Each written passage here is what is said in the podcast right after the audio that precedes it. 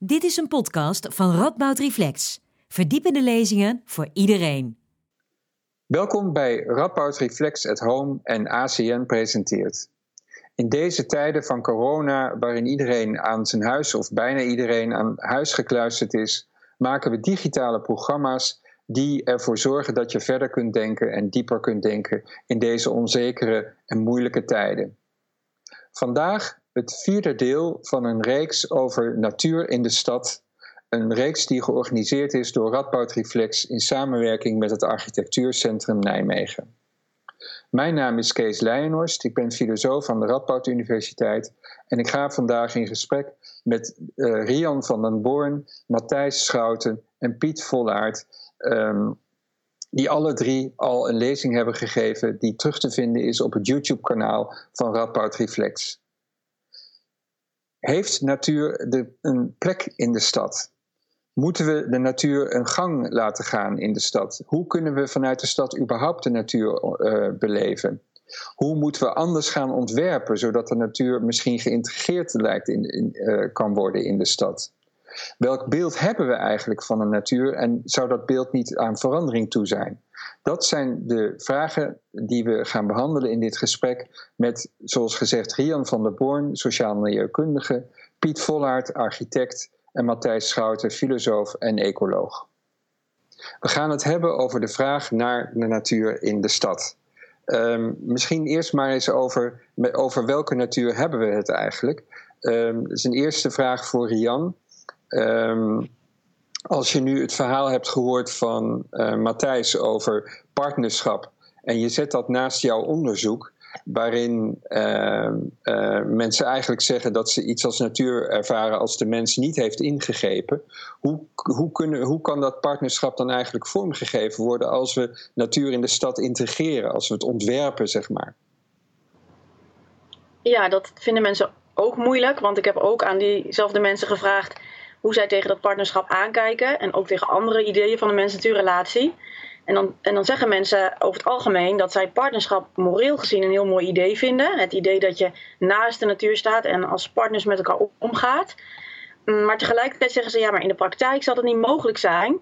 Um, omdat zij bang zijn dat de mens dan weer gaat domineren. Want je kunt niet spreken met de natuur, zeggen ze. Dus hoe weten we dan wat de natuur wil? En het is dus in een partnerschap super belangrijk dat je echt rekening met elkaar houdt. Maar hoe doe je dat als je dat, uh, als je dat niet van elkaar weet? En, um, nou, en dan denken ze vooral dat de mens weer gaat domineren over die natuur.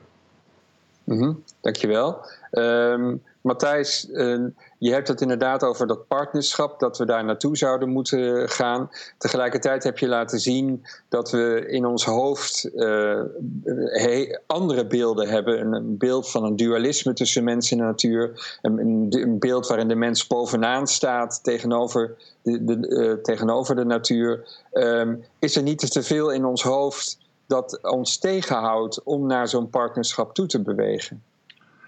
Jazeker. Uh, uiteindelijk zitten er uh, 2000 jaar westerse cultuurgeschiedenis tussen onze oren. En uh, die westerse cultuurgeschiedenis heeft enerzijds een sterke dichotomie aangebracht tussen natuur en cultuur. Die, dat is eigenlijk vanuit de oud, klassieke oudheid zo.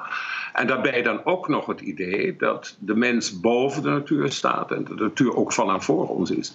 En om dat zomaar te veranderen, dat, dat gaat ook niet makkelijk. Ik denk dat we, als we naar een meer ecocentrische benadering willen, uh, of dat nu partnerschap of participatie is, dan zullen we iets moeten ontleren. Dan moeten we een aantal eh, beelden, en mens- en wereldbeelden, die, die we als vanzelfsprekend steeds aannemen en van waar we ook de wereld benaderen, die zullen we moeten gaan herijken. En uh, ik geloof ook sterk dat dat niet kan zonder oefening. Dus moeten we later nog misschien maar eens praten over hoe je dat nou kan oefenen. Mm -hmm.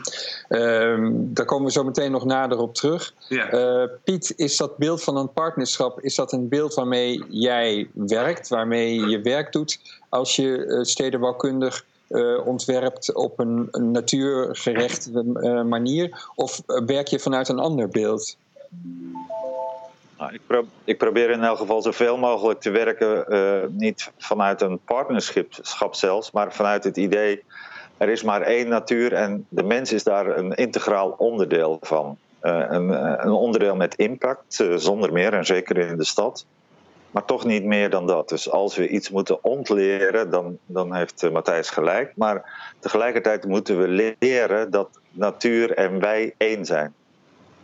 En als je dan werkt in de, in de stad en, en werkt als ontwerper, dan, dan ben je ook maar een rader in een groter geheel. En als ik eraan werk, dan probeer ik daar heel erg systemisch naar te kijken. Dus het, er is een ecosysteem waar, waar tussendoor allerlei activiteiten van mensen onderdeel van het systeem zijn. En op de een of andere manier moeten we dat zo, zoveel mogelijk in balans en zo weerbaar mogelijk maken. Dat, dat is het uitgangspunt. Nou krijg je, probeer je dat voor elkaar te krijgen door je ontwerpen. Dan horen we van Rian dat mensen um, eigenlijk een, een, natuurbeeld hebben bij uh, zodra de mens ingrijpt in de natuur, wat in de stad altijd het geval zal zijn, ze eigenlijk niet meer het gevoel hebben dat het natuur is. Hoe zet je dat naast jouw poging om tot dat systeem, tot dat ene ecosysteem te komen waar mensen en natuur één geheel zijn? Nou ja, dat is dus precies wat eh, mensen moeten aanleren. En niet alleen in de stad trouwens hoor, en eh, op de hele planeet. Uh, maar ja, uiteindelijk moet je, ben je toch bezig met praktische zaken. En wat wij in de stad vooral doen, is, is kleine projecten. En het helpt daarbij ontzettend als je mensen zelf de planten laat planten, ze zelf laat tuinieren in de, in de stad, zeg maar. En, en het daar steeds maar weer bij uitleggen. En dat is op zichzelf een hele lange weg. Dat gaan we, uh, daar gaan misschien wel meerdere generaties overheen. Voordat we dat zo diep gewortelde onderscheid tussen cultuur en natuur, wat al uh, hè, sinds, sinds de moderne tijd in ons zit, voordat we dat weer afgeleerd hebben. Dus dat is echt een hele lange weg. En tot op dat moment kun je ook heel praktisch uitleggen waarom het uh, noodzakelijk en nuttig is om, uh, uh, om natuur in de stad toch tenminste als gelijkwaardig aan de mens te beschouwen. Nu hebben jullie het allebei over leren. Ehm, Matthijs had het zelfs over ontleren. Hè. We moeten veel oude beelden die ons niet helpen in onze relatie met de natuur, die moeten we eigenlijk kwijt, die moeten we ontleren. Um, Rian, zou je iets kunnen zeggen over hoe, hoe we dat leren zouden kunnen doen? Als we nog zo vastzitten in uh, natuurbeelden die ons eigenlijk niet helpen in onze relatie met de natuur?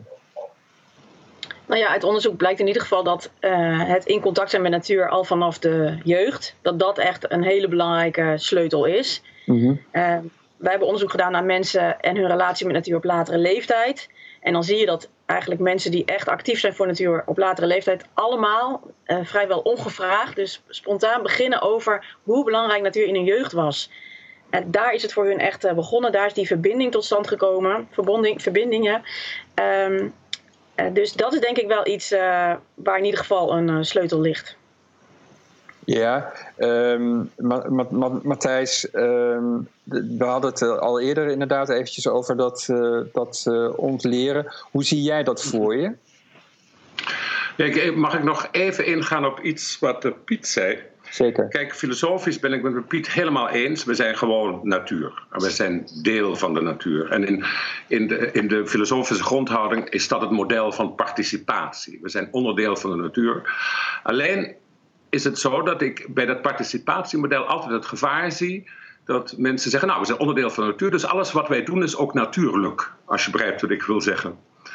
En uiteindelijk kan je natuur dus als een abstract geheel zien, een groot ecosysteem, maar voor mij bestaat natuur ook uit een grote verzameling van levende wezens die om ons heen zijn. En ik pleit er altijd voor dat wij met die gemeenschap van levende wezens een soort partnerschap aangaan. Met andere woorden, ook ons afvragen wat is voor hen belangrijk. Wat is de ruimte die zij nodig hebben. En daar hoort dan, vind ik, enige terughoudendheid bij. Bij een echt partnerschap heb je je eigen ruimte en krijgt de ander ook de ruimte en je deelt een zekere ruimte. Om dat te kunnen doen, naar dat beeld van een, van, dus een meer, dit noemen we in de filosofie, meer ecocentrisch beeld te gaan. Dus wat, wat weg te gaan van het antropocentrische model waar wij ons het centrum der dingen maken dan zullen we moeten ontleren. En uh, daar, kinderervaringen spelen daar absoluut een hele grote rol bij. Want kinderen maken dat onderscheid nog niet. Dat wij later gaan maken tussen mens en natuur en de plek van de mens ten opzichte van natuur. Maar dat hebben we tamelijk afgeleerd door allerlei, allerlei geconstrueerde wereldbeelden die wij in onze cultuur heel sterk uh, uh, naar voren laten komen. Dus we moeten eigenlijk weer een beetje ontleren. En ik heb het gevoel ook weer nieuwe relaties aangaan. Om een voorbeeld te geven, ik geef een, een, een, uh, op een moment een module aan allerlei ondernemers die zich afvragen hoe ze straks na de coronacrisis duurzamer kunnen gaan werken en hoe ze beter met uh, de natuur zouden kunnen omgaan. En daar, dit thema staat daar centraal. En een van de opdrachten die ik hun een paar weken geleden gaf is Ga nou eens vijf minuten per dag gebruiken om naar iets te kijken wat niet door de mens gemaakt is. Dat kan een plant zijn, een boom, een vogel, een stuk aarde, whatever. Kijk naar iets wat wij niet gemaakt hebben en kijk er vijf minuten naar zonder enige conceptualisering. Uh, geef er geen naam aan, duid het niet, uh, interpreteer het niet, maar kijk alleen maar.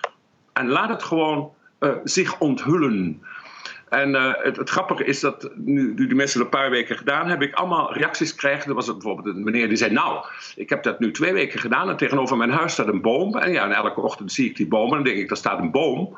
Maar nu ik twee weken lang vijf minuten die boom heb bekeken zonder daarover na te denken en zonder hem te benoemen, zonder enig concept, moet ik zeggen dat ik nu ochtends niet aan die boom voorbij kan gaan zonder hem te groeten. En dit vind ik dus een, een, een heel belangrijk uitgangspunt. Dat wij de wereld om ons heen uh, opnieuw leren ontdekken, los van onze benoemingen en concepten.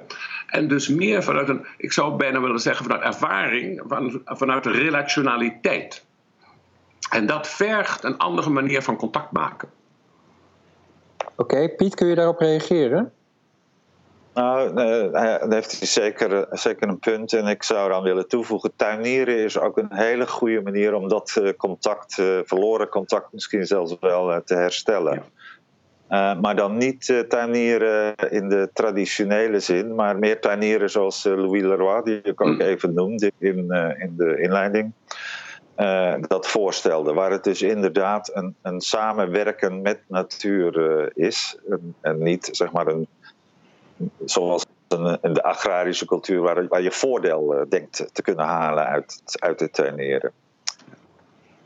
Um, dus ja, dat, uh, dat, dat, contact leggen met de natuur. En zeker in de stad is dat best moeilijk. Want er zijn allerlei hindernissen. Om te beginnen, om maar eens wat te noemen. Dat de helft van de natuur in de stad die wordt benoemd als, als onkruid. Dat moet weg. terwijl dat eigenlijk de meest spontane vorm van natuur in de stad is die boom die gegroeid wordt, die is daar geplant. Die is waarschijnlijk ook nog speciaal gekweekt om mooi te zijn voor mensen.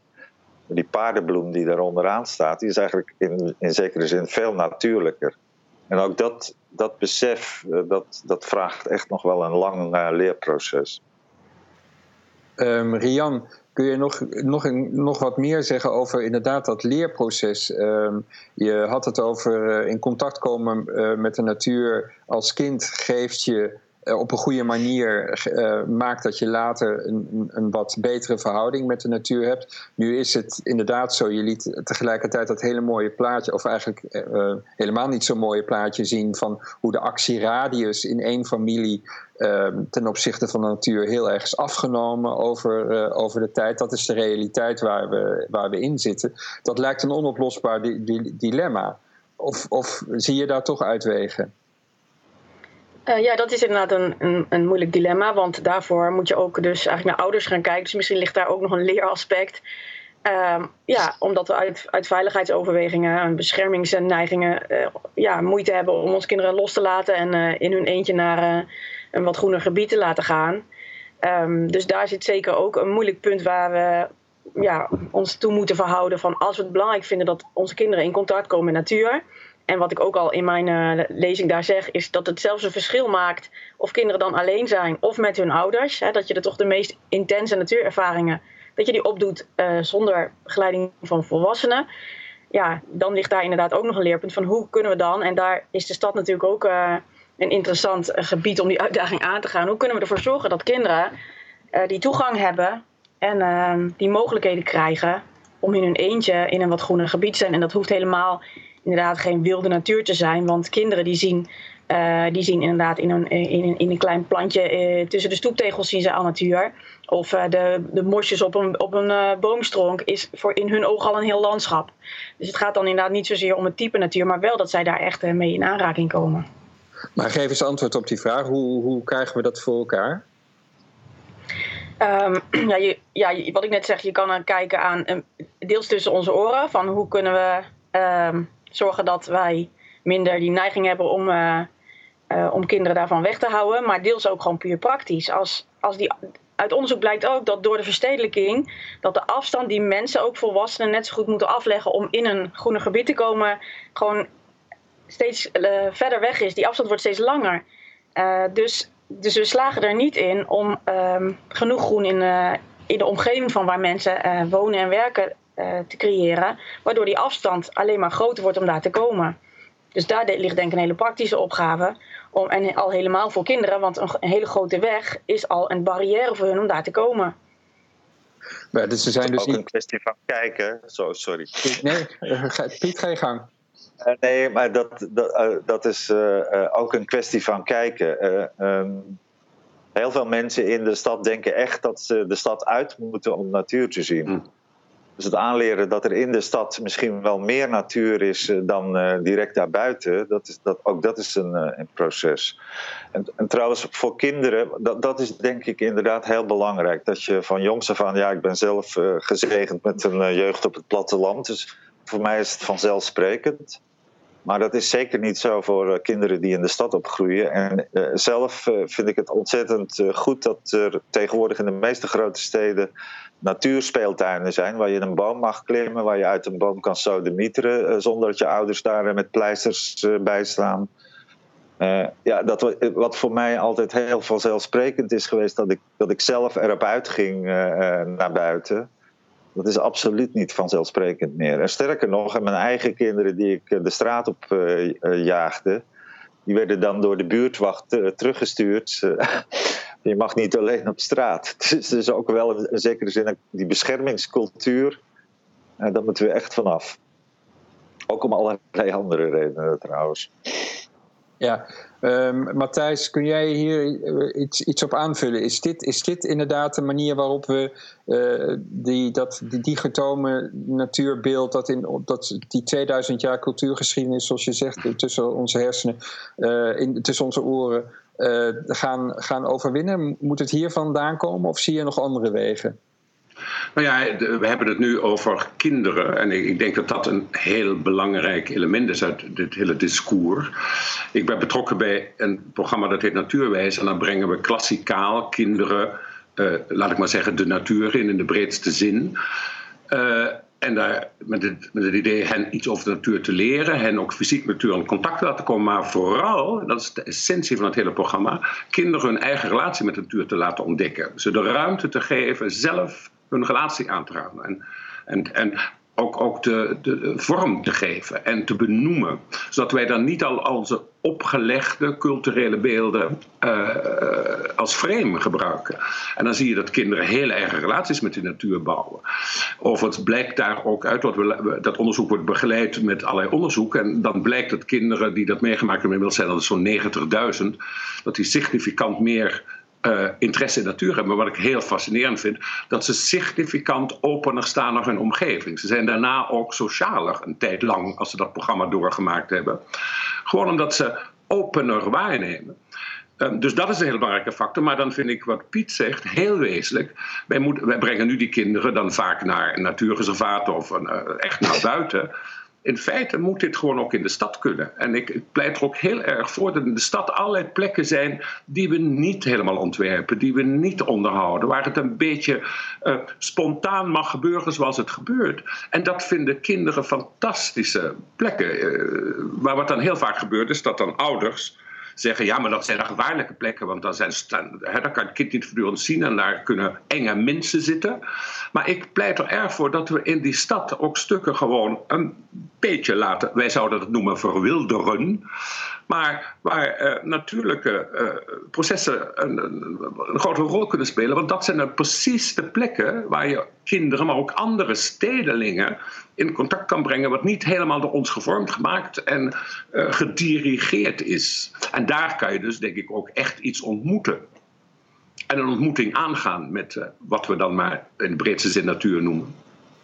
Piet, dus we moeten eigenlijk helemaal niet te veel ontwerpen. We moeten eigenlijk vooral um, open, ru open ruimtes uh, maken. Zie je dat ook zo? We moeten beide doen. Uh, de stad is toch is ook een biotoop van, uh, van mensen. En mm -hmm. die biotoop te onderhouden heb je ontwerp nodig. Maar ik, anders dan zeg maar, de, de traditie, meer traditionele tijd kijken op ontwerp, waarbij je een, een architect eh, een opdracht krijgt, iets verzint het en dan maakt het is af.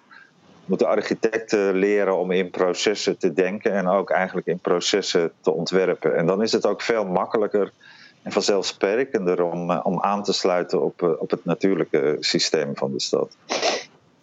In hoeverre krijg je, Piet, je vakbroeders mee met, met dit pleidooi?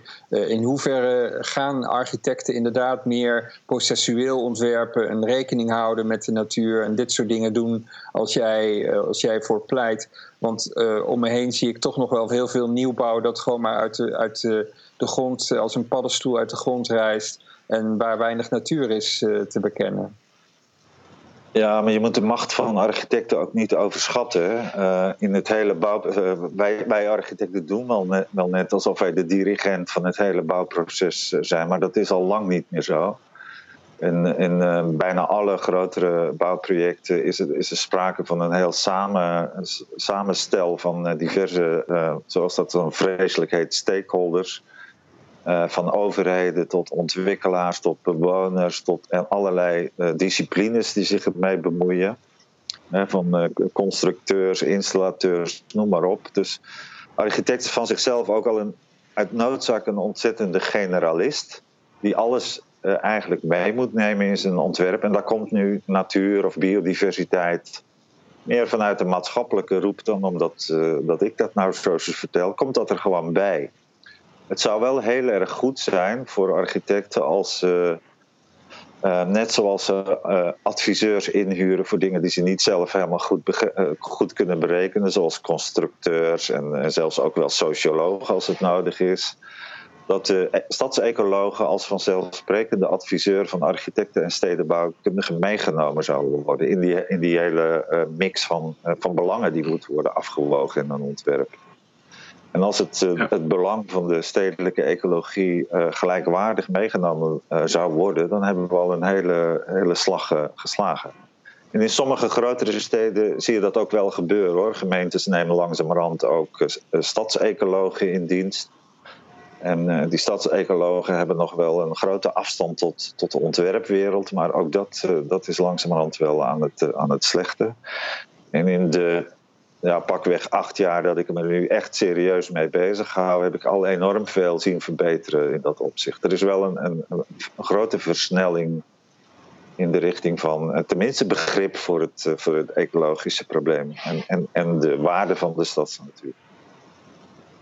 Er is trouwens ook nog een tweede ding wat, wat, wat altijd wel helpt. Als architect ben je ook altijd onderhandelaar tussen al die belangen. En uh, tot nu toe is het niet zo dat de, dat de gemeentes veel budget hebben voor stadsnatuur. Er is een groen budget en dat gaat eigenlijk helemaal op aan het onderhoud.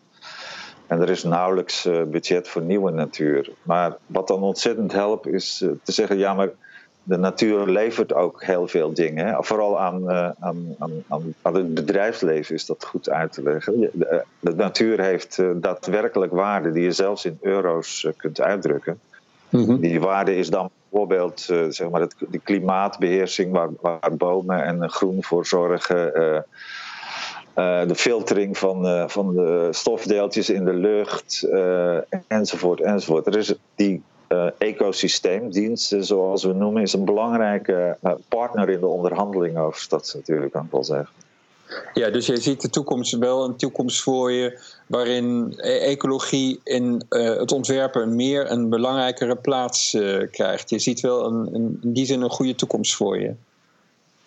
Ja, ik, ik, vergelijk het ook altijd een beetje met uh, hoe dat ging met, met duurzaamheid. Hè? Meer de, zeg maar de, energiebesparing enzovoort. Ik heb gestudeerd in de late jaren 70, begin jaren 80. Toen was duurzaamheid even een thema, maar dat verdween al vrij snel. Maar in de, tussen, tussentijd is in de decennia daarna is de noodzaak van duurzaamheid, van energiebesparing, van wat meer uh, beter omgaan met, met grondstoffen, is, is vanzelfsprekend geworden. En twintig jaar geleden kon je als architect nog scoren door te zeggen dat je een duurzaam architect was, hè, dat dat jouw specialisme was. Maar dat is al lang niet meer zo. Elke architect is nu vanzelfsprekend ook een duurzaamheidsarchitect. Dus dat hele onderscheid is, is verdwenen. Nu is het zo dat sommige architecten zeggen: wij specialiseren ons in uh, natuurinclusief ontwerpen en, en uh, biodiversiteit ontwerpen enzovoort. Ik hoop en vermoed zelfs ook dat over twintig jaar ook dat verdwenen zal zijn. Ook dan is elke architect een, uh, vanzelfsprekend ook een natuurinclusief architect. En ook dan is elk ruimtelijk be beleid van de stad ook vanzelfsprekend natuurinclusief beleid. Maar nu zitten we in zo'n overgangspioniersfase waarin dat ja, gepromoot moet worden, erdoor gedrukt moet worden, stiekem meegenomen moet worden in allerlei beleidsplannen. Dat is nu een beetje de positie waarin we nu uh, zitten. Oké, dankjewel. Ik wil toch nog even terug, want het fascineert me ook, uh, Matthijs, dat beeld van de natuur als partner. Terwijl je tegelijkertijd dat pleidooi houdt, uh, laat zeker kinderen ook natuur ervaren in de stad. Maar dat is altijd nog toch op de een of andere manier door ons gemaakte natuur. In hoeverre kom je de natuur echt tegen als partner, zoals je dat ziet in de stad? Hoe kun je, kun je dat in de stad eigenlijk wel ervaren? Nou ja, uiteindelijk heeft het natuurlijk alles te maken met de vraag wat je, wat je natuur noemt. Hè? En um, uh, Piet heeft daar ook al op gewezen. In de stad is ontzettend veel natuur aanwezig. Een deel is, uh, is door ons wel gedirigeerd en ontworpen en, en, en, en ook sterk in een schabloon gegoten. Voor de rest is er heel veel spontane natuur. Allerlei planten en dieren die in de stad een plek gevonden hebben en, en die zich aan, ook aan de menselijke omstandigheden aangepast hebben. Um, als je natuur definieert als uh, ecosystemen daarbuiten of gebieden die helemaal natuurlijk zijn, ja, dan is dat in de stad natuurlijk weinig aanwezig. Maar wat er in de stad volop aanwezig is, naast het menselijk leven, is het leven van allerlei andere uh, levende wezens, planten of dieren. En die kun je uh, waarnemen. Daar kan je mee in, in contact treden, daar, daar, daar kan je naar kijken, daar kan je ervaringen mee opdoen. En het gaat er mij om dat, dat daar spreekt Piet waarschijnlijk ook over. We hebben steden lang ontworpen volledig als, als functioneel aan de mens. En dan mag er nog een beetje mooi, mooi decoratief groen bij zijn. Dan kwamen er ook nog wel wat soorten binnen. Ik denk dat we wat meer ruimte zouden moeten geven aan die niet-menselijke aanwezigheden in de stad. En ze daarin ook wat meer vrijheid moeten geven. En voor mij is dat dan echt natuur. Uiteindelijk zijn wij ook natuur, maar het wordt voor mij wat harmonischer als je er een grotere gemeenschap van maakt met nog wat andere aanwezigheden. En, en Piet spreekt erover dat inderdaad in de toekomst waarschijnlijk uh, stedenbouwkundigen sowieso uh, natuur inclusief ontwerpen. Maar daarbij wil ik weer even mijn punt maken. Zolang natuur inclusief ontwerpen, ontwerpen is waarbij we de natuur meenemen omdat dat goed is voor ons, hè, de zogenoemde ecosysteemfuncties die daar aangeduid werden, waarmee inderdaad bedrijfsleden kunnen overtuigen, blijf ik het model vinden waarbij wij ons weer tot het centrum der dingen maken. Want ik erg voor pleit, samen met Bruno Latour, die, die, die door Piet ook in zijn college genoemd is, dat we uh, de niet-menselijke uh, uh, wezens, of niet-menselijke aanwezigheden, ook een mee laten spelen, een stem geven. Hè? En dat zou voor mij betekenen dat je, dat je dus in elke, elke, stedelijke, elke beslissing over stedelijke ontwikkeling enzovoort, inderdaad iemand hebt die, ik zou bijna willen zeggen, namens de natuur kan spreken. Die, zich, die, die naar voren brengt van wat hebben de niet-menselijke uh, wezens of aanwezigheden, wat heeft de natuur nodig? Wat, wat kunnen we doen om daar ook ruimte aan te geven? Dat is iets anders dan natuur inclusief ontwerpen, omdat het zo goed is voor ons. Dus ik, ik pleit er toch erg voor dat we een beetje werken aan, uh, aan een wat, wat grotere terughoudendheid in onze contracten met de natuur. Nee, maar en in de breedste zin. helemaal mee eens. Ja, nee, absoluut. Daar ben ik het ook helemaal, sorry, daar ben ik het ook helemaal mee eens. Uh, ik noemde die uh, uh, ecosysteemdiensten alleen maar als, als een, een, strategisch middel. Ja. om, om het, soms dat moet je ook echt. Als architect, je bent constant aan het schipperen met al die deelbelangen. En, en de moeilijkste tegenstander, zou ik als zeggen, terwijl je het eigenlijk niet zo moet beschouwen, is de overheid. Mm. En da, met name daar wil het nog wel eens werken. Overigens ja, ja. is, is, het, is het ook zo dat hoe wij Nederlanders over natuur denken, dan wijzen we naar de Hoge Veluwe, maar ook dat is mensgemaakt. Ja. Er is in Nederland geen echte wilde natuur meer over. Er is in heel Noordwest-Europa geen echte wilde natuur meer over. Alles is, is mens, mensgestuurd. En in de stad is er eh, op sommige plekken net zoveel spontane natuur die niet gestuurd is als in veel buitengebieden. Dat, dat onderscheid uh, tussen stad en omland in Nederland, dat, dat is ook om die, om die reden eigenlijk al vrij artificieel. We denken dat de Hoge Veluwe wilde, spontane natuur is, maar dat is het net zo min. Rian, daar heb jij onderzoek uh, naar gedaan. Wat we eh, wat we ervaren als natuur, de Hoge Veluwe uh, en de Oostvaardersplassen en zo. Zou je, zou je dat nog, nog iets over kunnen aanvullen? Ja, twee dingen eigenlijk. Dat inderdaad mensen enerzijds zeggen, ja, hoe meer je die mens terug ziet, hoe minder natuur ze het vinden. Dus dat is dan inderdaad een beetje een natuurbeeld van een type natuur wat we in Nederland steeds minder hebben.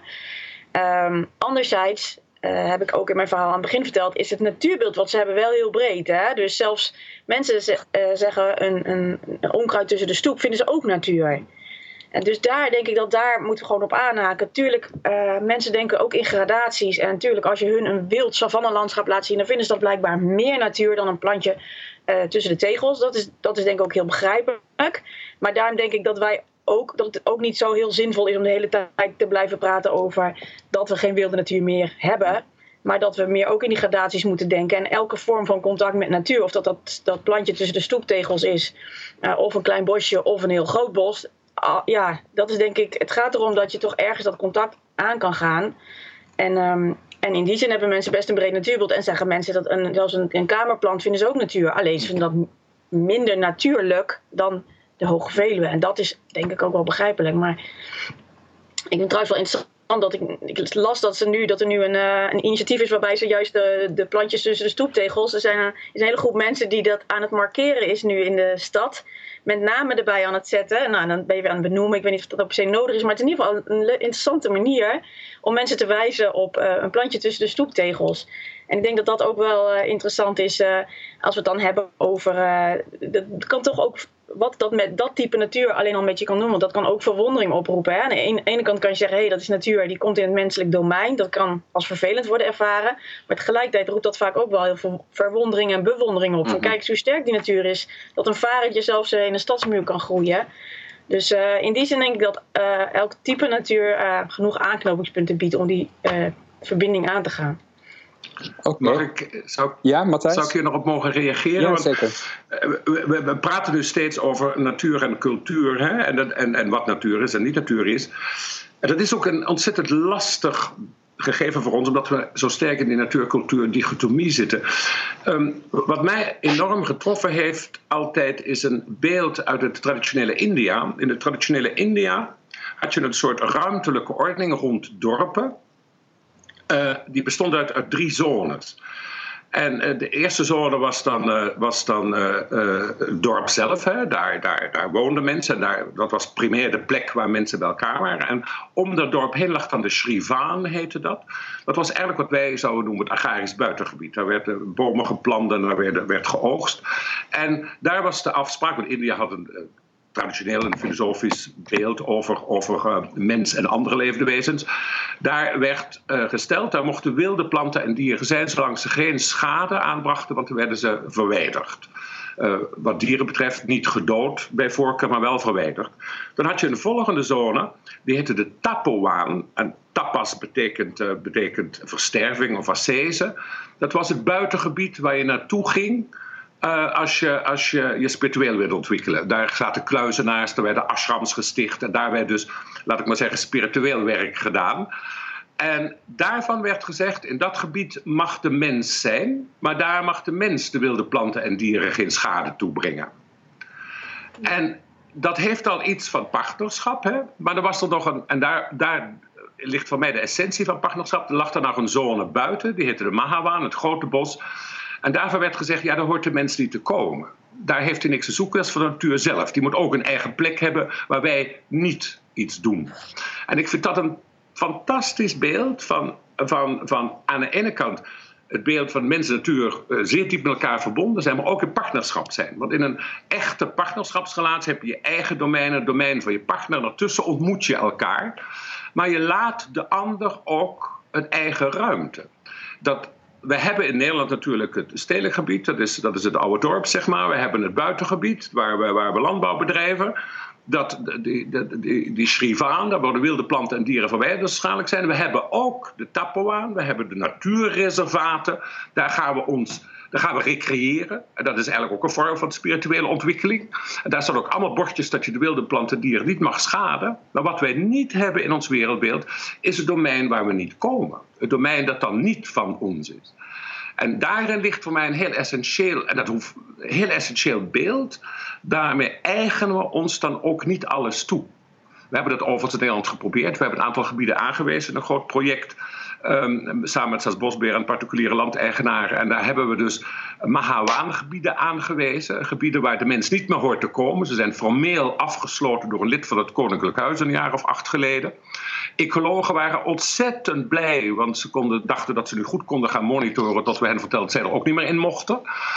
En uh, vlak nadat het ingesteld is, werden er kamervragen gesteld door bepaalde politieke partijen die er heel erg boos over waren. Want zij vroegen zich af hoe de natuur nou als eigenaar van zichzelf ingeschreven kon worden in het kadaster. nou, en dit vind ik nou heel typisch een, een, een reflectie van ons westers antropocentrisch beeld. Dat is heilig. Precies. En ik, ik, ik heb dus, waar ik steeds voor pleit is een zekere terughoudendheid waarmee je een echte relatie aangaat. Dankjewel. Ja, Piet? Dat, dat, uh, dat grondgebruik en grondeigendom, ja. dat is inderdaad een van de grootste remmen op, uh, op, op, de daadwerkelijke vrije natuur. ja. ik weet niet of je de werk van Herman de Vries kent. Die heeft ja, in Duitsland een aantal stukken natuur ommuurd, waar dus ook inderdaad niemand meer mag komen.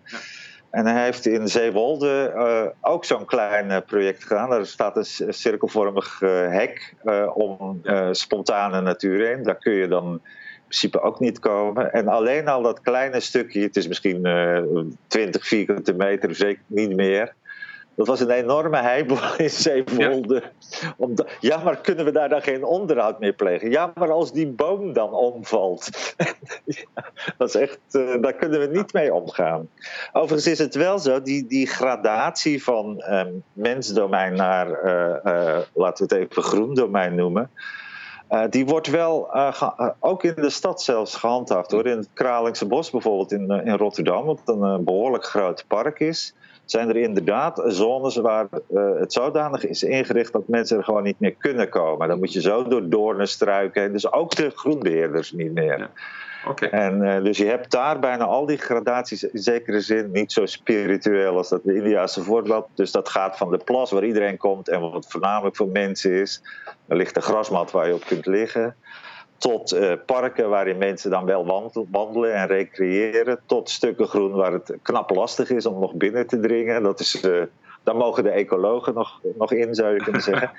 Inclusief de stukjes waar het gewoon onmogelijk gemaakt is om er nog in te komen. Dat hoef je niet eens meer af te spreken, je laat het wel uit je hoofd. fantastisch. En, en, en, en, dat is. Uh, ook met stadsecologen hebben we nu ook afgesproken en ook gezegd: ja, we kunnen niet we kunnen wel uh, proberen om alle parken helemaal uh, natuurlijk in natuurbeheer en zo uh, te maken, om alle parken natuur te maken. Maar we moeten ook realiseren dat sommige parken primair recreatieparken zijn. Mhm. Dat zijn dus gewoon speelveldjes voor mensen.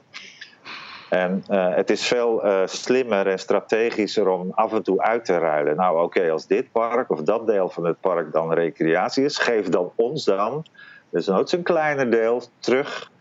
Uh, waar we inderdaad gewoon mensen bijna gaan verbieden of het onmogelijk maken om ze nog binnen te komen. En dat werkt veel, uh, veel beter, eerlijk gezegd. En het is ook voor de, voor de natuur zelf, hè, die, die het moet hebben van gradaties uh, overal, is het zelfs ook nog beter.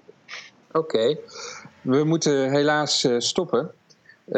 Rian, Matthijs en Piet, heel erg bedankt voor het gesprek en voor jullie lezingen. Dank u wel en ik hoop dat u geïnspireerd bent en veel uh, sterkte en succes in deze tijden van corona. Dank u wel.